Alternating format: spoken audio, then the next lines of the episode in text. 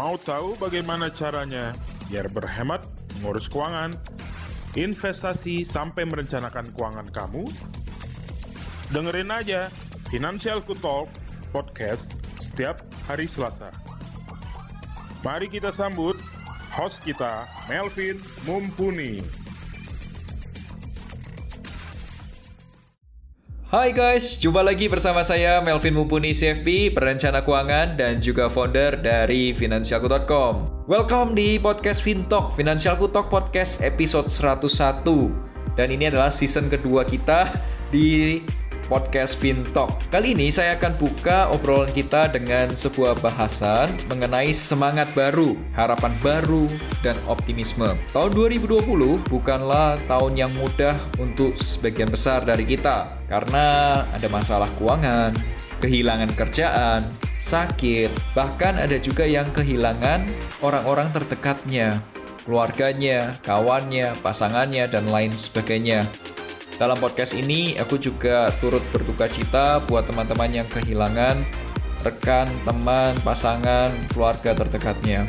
Podcast Fintalk episode 101 aku sengaja buat supaya kita tetap optimis dan berani memiliki harapan yang baru. Seperti biasa, saya juga akan jawab salah satu pertanyaan dari sobat finansialku yang ada di tiket aplikasi Finansialku. So guys, supaya kamu tetap update podcast terbarunya, langsung aja follow Fintalk, Finansialku Talk Podcast di Spotify yang hadir setiap hari Selasa. Podcast Fintalk ini juga dapat kamu dengar melalui Apple Podcast, Google Podcast, dan aplikasi Finansialku. Yuk langsung aja di-download aplikasi Finansialku di Google Play Store atau juga di App Store.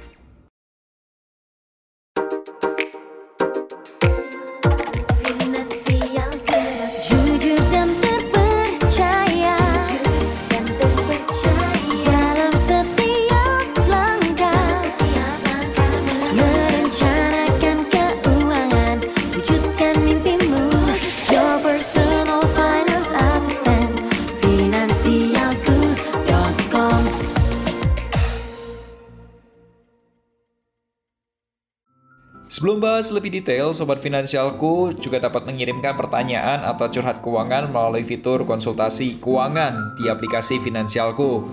Dan kasih juga hashtagnya curhat keuangan. Kali ini curhatannya adalah, Halo Mas Melvin, selamat ya atas 100 episode podcastnya. Mau curhat keuangan dong, saya membuat kesalahan pengambilan keputusan finansial terbesar.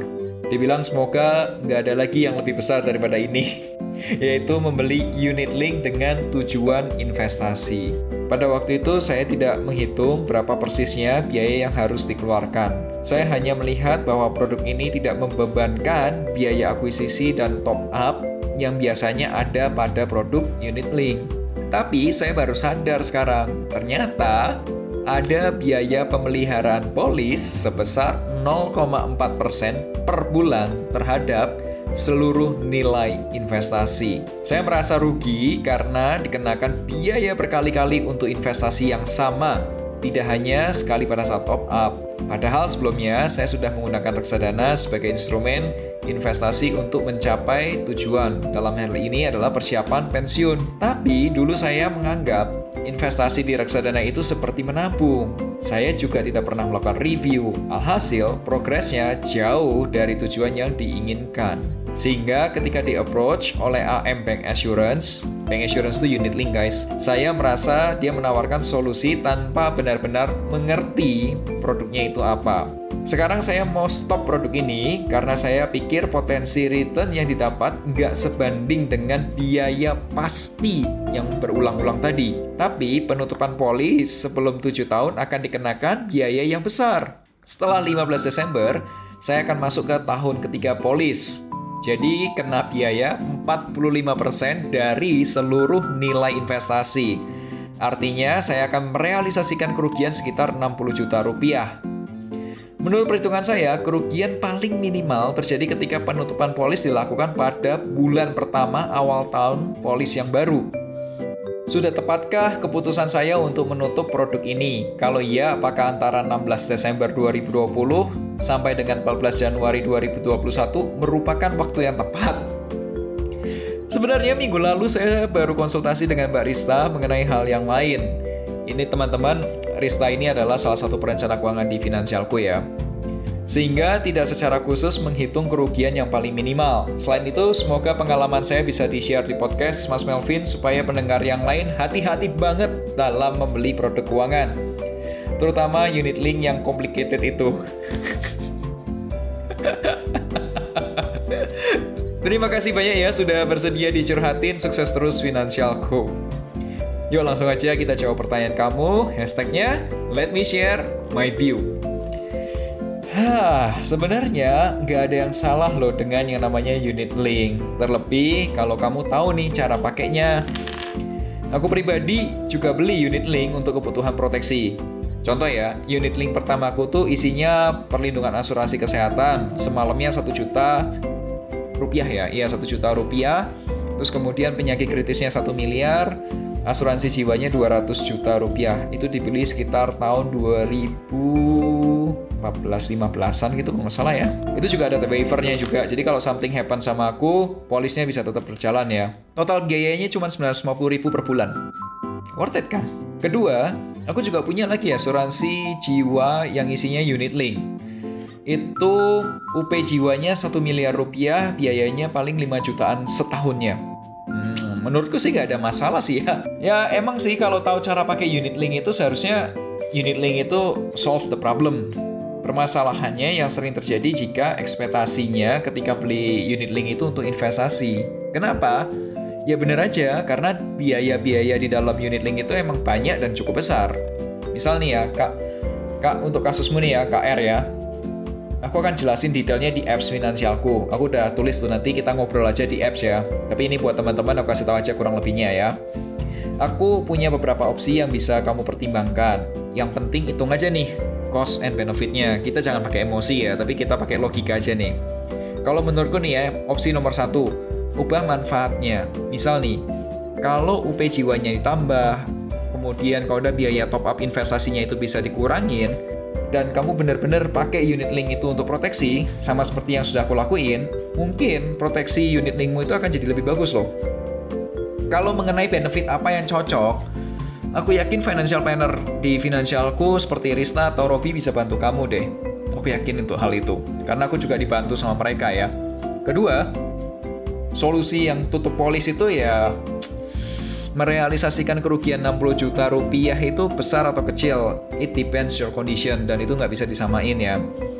Cuma satu hal sebelum tutup polisnya coba lihat kemungkinan-kemungkinan yang bisa dilakukan.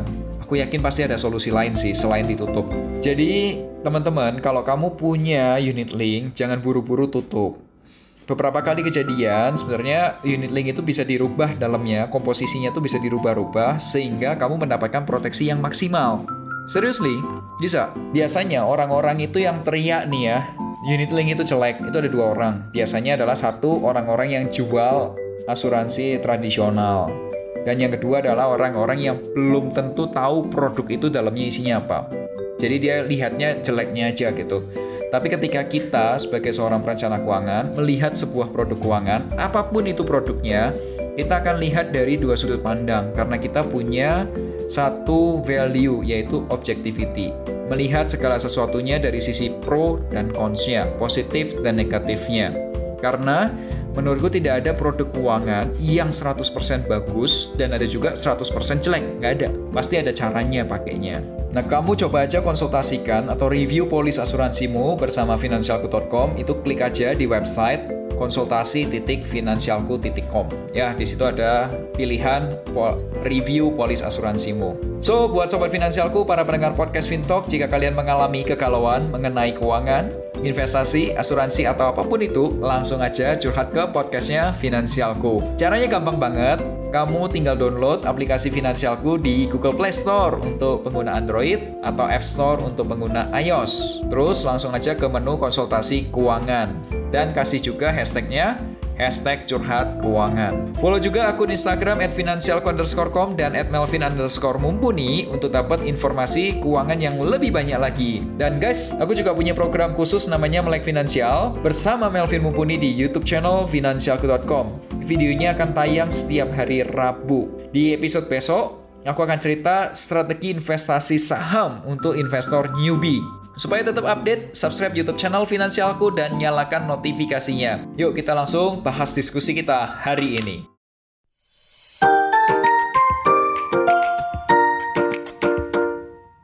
Tahun 2020 adalah tahun yang challenging ya, karena adanya COVID-19, masalah keuangan, dan bisa jadi kehilangan seseorang yang kita cintai. Apakah itu artinya akhir dari segalanya? Aku rasa sih tidak ya. Aku pun pernah merasakan hal yang sama, bagaimana menjaga kewarasan kita di masa-masa sulit. Dari bulan Maret 2020, aku sudah bertanya-tanya, Bagaimana ya cara ngelewatin tahun 2020? Bagaimana ya memenangkan tahun 2020? Dan bagaimana ya balancing antara bisnis, keluarga, pasangan, pertemanan, dan lain sebagainya. Kalau digambar dengan grafik, ada juga loh masa-masa aku bisa ketawa selama setahun ini. Ada juga masa-masa yang beneran ketakutan gitu. Dan ada juga masa-masa sedih. Suatu ketika aku berpikir dan mencoba berkontemplasi. Bagaimana sih seharusnya kita beradaptasi dengan kondisi baru? Salah satu hasil dari kontemplasi tersebut, aku keingetan pengalaman saat berpindah dari kota Batik ke kota Kembang untuk kuliah. Dan ini cerita pengalamanku. Tahun 2007 adalah tahun yang sangat menantang buat Melvin muda dan teman-temannya. Karena awal tahun tersebut kami bersiap untuk ujian akhir nasional SMA. Hari-hari digembleng dengan latihan, tryout, dan persiapan-persiapan ujian. Dan sampai suatu ketika, masa-masa ujian datang. Teringat rasa cemas ketika membahas pilihan jawaban setelah keluar dari ruang ujian. Puji Tuhan, aku dan teman-teman sekelas itu lulus semua. Tidak ada tuh yang ketinggalan kelas. Kita semua bersuka cita, bersyukur, dan memiliki harapan baru. Di situlah aku belajar, setiap rintangan pasti ada jalan. Tuhan kasih kita ujian yang pasti bisa diselesaikan, asalkan kita mau bekerja, berdoa, dan tetap memiliki harapan. Selesai masa itu, sebagian teman-temanku mulai bersiap ujian untuk masuk kuliah. Kalau aku sih sudah merasa senang ya, karena sudah keterima kuliah dengan jalur tanpa ujian atau PMDK. Kota Kembang adalah kota baru buatku karena tidak ada teman, saudara, atau kenalan di sana. Jadi semuanya mulai dari nol. Masuk di bulan Agustus, mulai dari upacara Agustusan, ospek kampus, ospek jurusan, dan kemudian mulai dilalui tahun ajaran semester 1. Aku yang biasanya berprestasi di SD, SMP, dan SMA sekarang ini merasa berat di kampus. IP atau indeks prestasiku di semester 1 itu di bawah 3 dan ada mata kuliah yang gagal. Di situ aku sempat mau nyerah. Apa ya salah jurusan ya? Apa aku yang bego gitu ya, nggak bisa ngikutin mata kuliahnya atau pelajarannya? atau aku yang belum bisa beradaptasi. Aku merasa bersalah sekali ya kalau sampai gagal di kuliahan. Aku tahu loh, papi mami sudah bekerja keras untuk aku bisa kuliah di Bandung. Buat orang tua aku dulu, menguliahkan aku di Bandung bukan sesuatu yang mudah. Jadi ya mereka pun sebenarnya juga berjuang. Aku takut aja kalau mengecewakan kedua orang tuaku. Kemudian aku mulai cari cara lain coba mulai curhat ke orang tua, mulai cari dukungan dari teman-teman, berdoa, mengubah kenalan, dan mencoba membentuk support system yang baru, dan kemudian membaca beberapa referensi. Harapan baru lahir ketika aku mulai mempelajari manajemen, mulai dari yang namanya proses plan, do, check, dan act, atau orang-orang sebutnya PDCA. Kamu bisa cari loh di Google PDCA kalau kamu mau tahu tentang manajemen aku mulai susun strategi untuk melewati masa-masa ini. Believe it or not, pada waktu itu, aku mulai bikin file Excel, aku tulis tuh semua mata kuliahnya, aku buat simulasinya dari semester 1 sampai semester 8. Setiap semester, aku lalui dengan strategi. Contoh nih ya, semester 3 itu kalau nggak salah ingat ada katakanlah ada 8 mata kuliah gitu ya. Nah, kemudian dari hasil ngobrol-ngobrol sama kakak kelas, sama teman-teman, ternyata diketahui nih, empat di antaranya gampang. Tiga di antaranya, nah agak susah sih, tapi masih bisa dilewati dengan, ya kalau mau usaha bisa lah gitu. Dan satu, aduh ini agak-agak sulit ya dan jarang ada yang sukses gitu loh. Kemudian aku pasang target aja. Untuk mata kuliah yang harusnya mudah, aku pasang target A. Kalau mata kuliah yang butuh usaha, minimal aku dapat B. Tapi aku usahakan masih supaya dapat A. Nah, kalau mata kuliah yang jarang ada yang sukses atau mata kuliah yang susah itu, ya udahlah minimal C lah. Jangan sampai gagal ya. Udah minimal C, tapi usahain B. Dengan adanya manajemen seperti itu, mulai dari perencanaan, kita itu ternyata membagi fokus kita nih, membagi waktunya kita, tenaganya kita untuk mendapatkan hasil yang lebih maksimal. Ya itulah strategiku. Hingga pada akhirnya lulus dengan IPK 3,51 dalam 7 semester. Bukan lulusan yang terbaik sih, tapi ya udah cukup lah untuk membanggakan orang tua. Dari situ aku belajar ada sebuah pola yang bisa aku ulangi untuk melalui tahun 2020. Kita butuh suatu kemampuan untuk bisa beradaptasi. Dan menurutku, kemampuan itu yang bisa membangun cara-cara kita untuk menjadi lebih optimis. Seperti apa? Ini dia ceritanya. 5 cara membangun optimisme.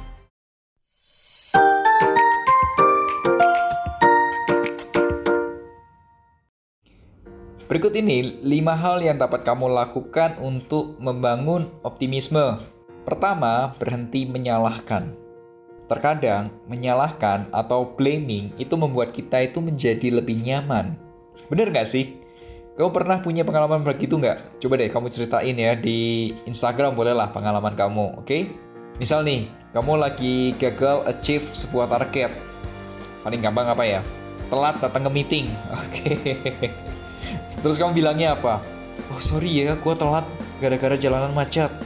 Atau sorry ya, gue telat nih gara-gara tadi anak gue rewel. Atau sorry ya, gue telat gara-gara titik-titik-titik. Meskipun kamu tahu menyalahkan atau blaming itu nggak menyelesaikan masalah, tapi membuat kita merasa happy gitu. Kayak, it's okay kok, tenang aja kok. It's not big problem, it's not big deal, dan lain sebagainya. Nah menurutku, lawan kata nih ya dari menyalahkan atau blaming itu adalah berani ambil tanggung jawab atau take responsibility. Hah, terkadang aku juga ya nggak nyaman sih ketika bilang aku salah atau sorry ya, aku lepas kontrol. Ketika kita nggak sadar apa kesalahannya, ya sulit sih untuk jadi lebih baik ya. Menurutku manusia itu tidak akan pernah bisa sempurna. Dan manusia memang diciptakan untuk belajar. Ya belajar dari kesalahan dirinya sendiri dan juga orang lain.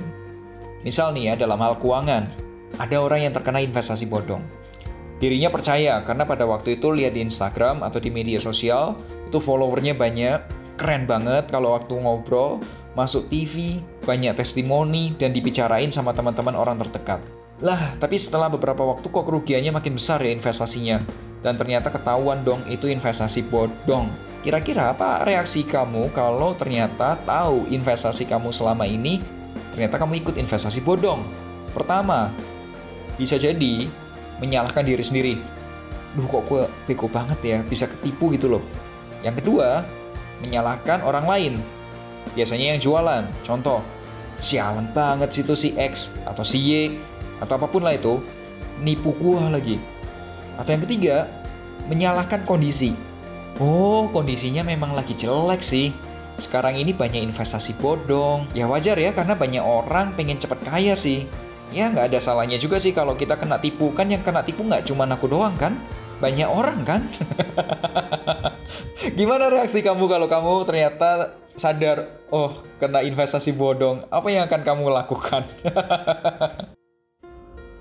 Kedua, lihat dari sudut pandang yang berbeda. Biasanya masalah itu kalau datang, datangnya itu numpuk. Jadi nggak heran nih kalau ada peribahasa yang bilang sudah jatuh, tertimpa, tangga. Saking banyaknya masalah yang dihadapi, biasanya kita itu malah stres duluan. Bukan stres untuk menyelesaikan masalah, tapi stres dengan jumlah masalah yang datang. Contoh nih ya, kamu dihadapkan dua kondisi. Masing-masing masalah punya tingkat kesulitannya.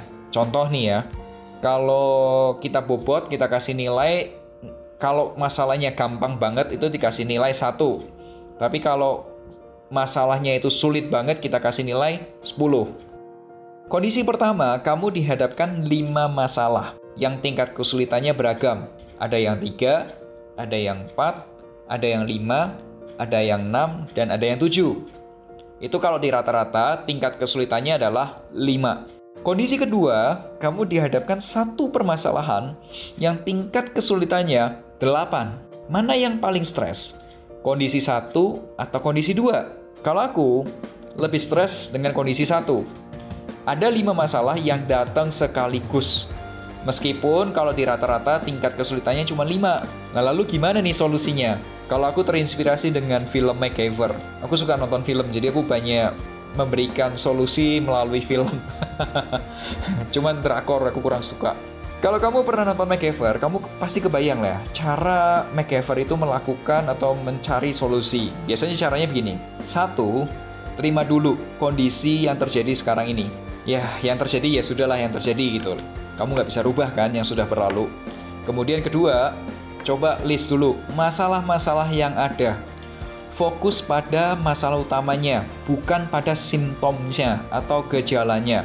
Contoh ya, misal ternyata setiap bulan kita tidak bisa nabung. Itu masalahnya itu bukan kita tidak bisa nabung. Masalahnya apa? Tidak bisa menabung itu, itu adalah simptomnya, gejalanya. Tapi masalahnya apa? Apakah karena penghasilannya yang terlalu kecil, income-nya kekecilan, atau pengeluarannya yang kebesaran, atau ada cicilan yang utangnya gede banget? Nah, itu ada masalah. Masalah itu yang harus di-define. Kemudian, biasanya aku urutin satu persatu dari masalah yang paling gampang ke masalah yang paling rumit. Kemudian cari solusi yang paling gampang dulu. Misal nih ya, setelah diurutin ternyata oh masalah nomor satu ini gampang, masalah nomor dua ini agak sulit. Nah kita selesaiin dulu nih yang gampang-gampang. Cari dulu nih solusi buat masalah-masalah yang gampang. Kalau sekarang ini kamu merasa punya banyak masalah, coba deh cara seperti ini. Pertama, tulis semua permasalahanmu, ketakutanmu. Kedua, kemudian kasih bobotnya. Masing-masing masalahnya kamu kasih bobot. Kalau gampang banget kamu kasih angka 1, kalau sulit banget kamu kasih angka 10. Kemudian langkah ketiga urutin dari yang skala 1 sampai ke 10. Biasanya di situ kamu akan menemukan sebuah blind spot. Blind spot itu yang akan membuat kamu melihat dari sudut pandang yang berbeda. Contoh nih ya, dalam hal keuangan, tiba-tiba terjadi COVID-19, perusahaan tempat kerja bilang akan ada pemotongan gaji. Jadi, setiap karyawan akan mendapatkan pemotongan gaji sebesar 30%. Ternyata, uang di tabungan kamu sekarang ini udah tinggal dikit. Karena kamu invest invest terus di saham supaya cepat kaya. Taunya market lagi drop gara-gara COVID pas Maret kemarin. Terus masih ada cicilan KPR, kartu kredit belum dibayar. Nah, terus gimana tuh solusinya? Coba tulis dulu ya. Langkah ketiga adalah cari alternatif solusi. Langkah ini adalah lanjutan dari langkah kedua. Ketika aku sudah tulis semua masalah yang ada, kemudian diberi bobot dan diurutkan, selanjutnya adalah aku tulis apa saja sih solusi-solusi yang mungkin. Tapi ini biasanya agak challenging ya, apalagi kalau wawasan kita terbatas. Ada beberapa cara yang biasanya aku lakuin. Pertama, aku cari ini orang orang siapa sih yang kira-kira bisa bantu aku bisa kasih clue.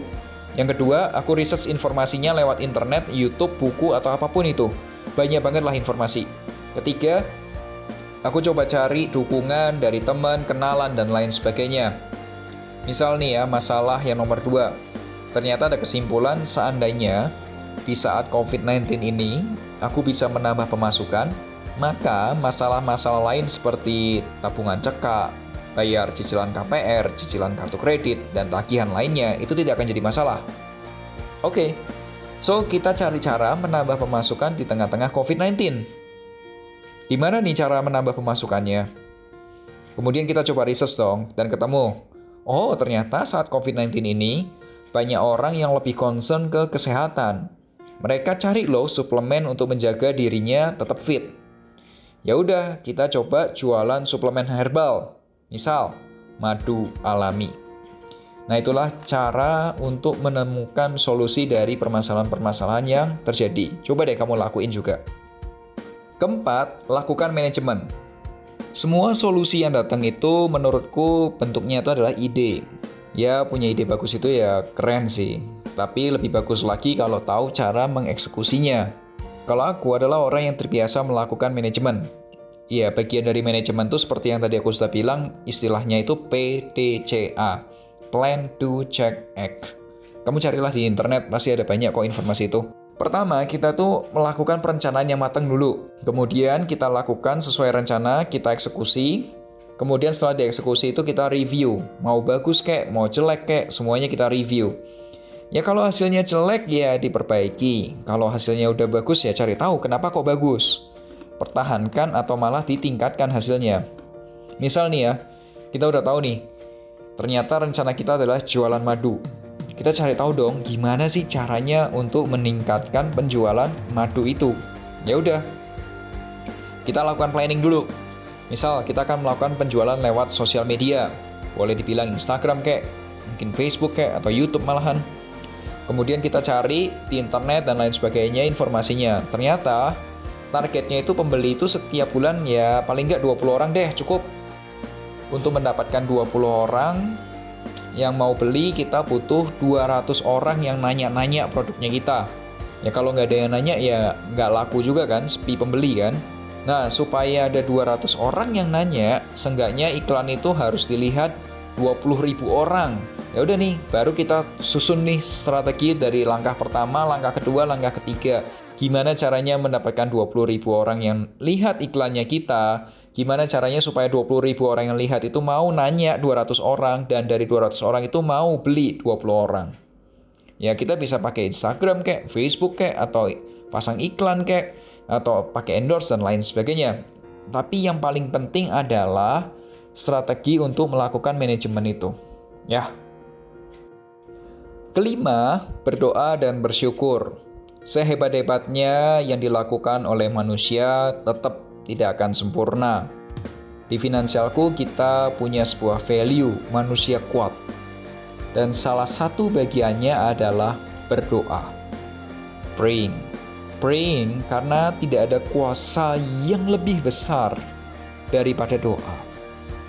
Doa memberikan pengharapan, doa memberikan penghiburan, doa memberikan kekuatan. Kekuatan untuk terus bekerja dan berkarya. Aku percaya bahwa kekuatan manusia itu pasti ada batasnya. Aku percaya ada kekuatan yang lebih besar daripada kekuatan manusia. Aku percaya Tuhan ada dan masih mau bantu kita. Jangan pernah lelah untuk berdoa dan bersyukur. Semoga lima hal ini bisa membantu kamu, keluargamu, kawan-kawanmu untuk melewati tahun-tahun yang susah. Kalau kata Ari Lasso, badai pasti berlalu. Kalau kata Tulus, manusia-manusia kuat itu kita, kalau kata almarhum Glenn Fredly, harapan ada, harapan ada bila kau mengerti. Be strong, sobatku, sobat finansialku.